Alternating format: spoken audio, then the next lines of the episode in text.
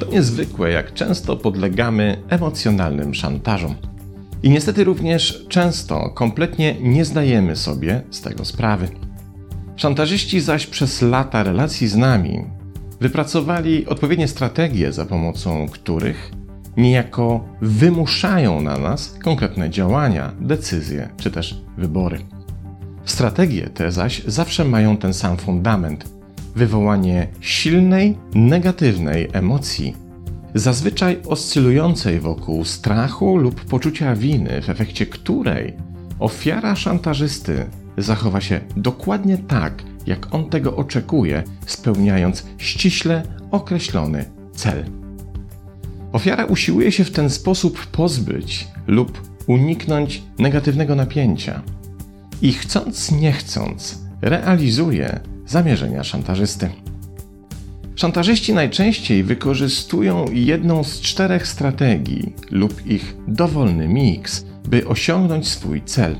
Pierwsza z nich to na przykład sytuacja, w której słyszysz od partnera czy partnerki, że gdyby ci naprawdę zależało na waszym związku, to byś coś konkretnego zrobił. Na przykład, gdybyś naprawdę mnie kochał, to spędziłbyś czas ze mną, a nie w tym głupim garażu. Interesujesz się mną tylko wtedy, kiedy czegoś ode mnie chcesz, a tak w ogóle to ci na mnie kompletnie nie zależy. Twoja obojętność, którą mi okazujesz, doprowadza mnie czasem do myśli samobójczych. Jaka strategia jest tutaj realizowana? To szantażysta emocjonalny, określany jako biczownik. Jego strategia jest bardzo prosta. Zapowiada, że jeśli ofiara nie zrobi tego, czego on oczekuje, to będzie cierpiał. Druga strategia polega na nałożeniu kary za zachowanie, które nie realizuje celu szantażysty. To na przykład sytuacja, której słyszysz od partnerki czy też partnera, że jeśli nie pójdziecie razem na imieniny kolegi czy koleżanki, to możesz zapomnieć o wspólnym sylwestrze w górach. Albo sytuacja, w której twój partner czy partnerka za cokolwiek, co mu się nie spodoba, każe cię na przykład milczeniem, chłodem czy jakimkolwiek rodzajem wycofania atencji. Tutaj strategia oparta jest na karaniu i ma zmusić ofiarę do określonych zachowań w celu uniknięcia kary. Trzecia strategia wymusza na ofierze określone zachowania w celu poprawy własnego samopoczucia. To na przykład jakże częsta sytuacja w związku, kiedy jedna ze stron popada w kiepski nastrój, przygnębienie czy smutek, kiedy zaś druga strona zaczyna się dopytywać o przyczynę pogorszenia tego nastroju, słyszy jedynie daj mi spokój. Przekaz jest więc taki, Szantażysta cierpi i oczekuje, by ofiara zrobiła coś, co spowoduje zakończenie tego cierpienia. Kiedy zaś ofiara usiłuje się dowiedzieć, co jest przyczyną takiego stanu rzeczy, usłyszy jedynie: Widzisz, ty się mną nigdy nie interesujesz, bo w przeciwnym razie byś wiedziała, czy wiedział, co mi jest. Tutaj celem szantażysty jest atencja ofiary w celu wyprowadzenia szantażysty ze złego nastroju, zaś podłożem poczucie winy pojawiające się w ofierze, kiedy ta podejrzewa, że może być przyczyną owego cierpienia. I chce mu zaradzić, by uniknąć właśnie tegoż poczucia winy lub dokonać zań zadośćuczynienia. Oczywiście szantażysta nigdy nie przestaje cierpieć, bo wówczas jego strategia przestałaby działać i nie mógłby w ten sposób osiągnąć swoich celów. Czwarta strategia jest odwrotnością drugiej, tyle że tutaj zamiast kary występuje nagroda. Ofiara słyszy wówczas, że za realizację określonych przez szantażystę oczekiwań otrzyma jakąś kuszącą nagrodę to sytuacja, w której szantażysta dobrze wie, na czym zależy ofierze i obiecuje to coś w zamian za konkretne relacyjne profity dla samego siebie. Cztery powyższe strategie to odpowiednio biczownik, ten, który zapowiada swoje cierpienie, jeśli nie zrealizujemy jego potrzeb, prokurator, ten, który w razie braku realizacji swoich potrzeb nas ukaże, cierpiętnik, który oczekuje wiecznego wyprowadzania go z cierpienia, i wreszcie kusiciel, obiecujący nagrodę za realizację swoich celów. Jak łatwo się domyśleć, w żadnym z tych przypadków realizacja celów szantażysty nie powoduje, że zaprzestanie on swoich praktyk. Nauczył się bowiem, że wypracowana na ofierze strategia po prostu działa, a zatem prowadzi do osiągania przez niego konkretnych celów. A więc czemu miałby z niej zrezygnować?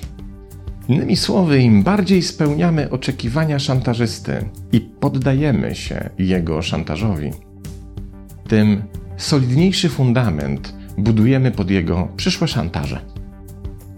Jednak relacja z szantażystą ma swoją cenę. Kiedy poddajemy się takim szantażom, musimy ponieść psychologiczne koszty tego procederu. Fachowcy nazywają je życiem we mgle. Mgła zaś, czyli fog, wzięła swą nazwę od trzech angielskich słów: fear, obligation, guilt, czyli strachu, poczucia obowiązku oraz poczucia winy. Wieloletnia relacja z osobą posługującą się technikami szantażu emocjonalnego, czyli wieloletnie życie we mgle, przynosi drastycznie negatywne skutki. Pojawia się bezsilna złość i coraz częstsze przygnębienie zaczyna w nas dominować poczucie winy oraz wstyd, co prędzej czy później musi doprowadzić do zmniejszenia poczucia własnej wartości oraz oczywiście pewności siebie. Szantażysta przecież wymusza na nas utratę autonomii. To nie my decydujemy wówczas o naszych wyborach, decyzjach i zachowaniach, ale strach i poczucie winy wywołane w nas przez szantażystę. To musi oznaczać utratę samostanowienia i niestety coraz mniejszy poziom szacunku dla samego siebie.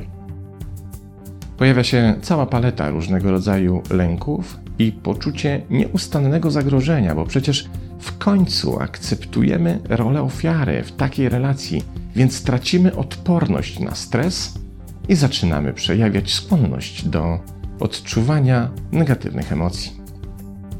Zaczyna to być widoczne w naszym zachowaniu i paradoksalnie jeszcze bardziej ośmiela emocjonalnego szantażystę, prowokując go do nieskrępowanego korzystania ze swoich strategii za każdą nadarzającą się okazją.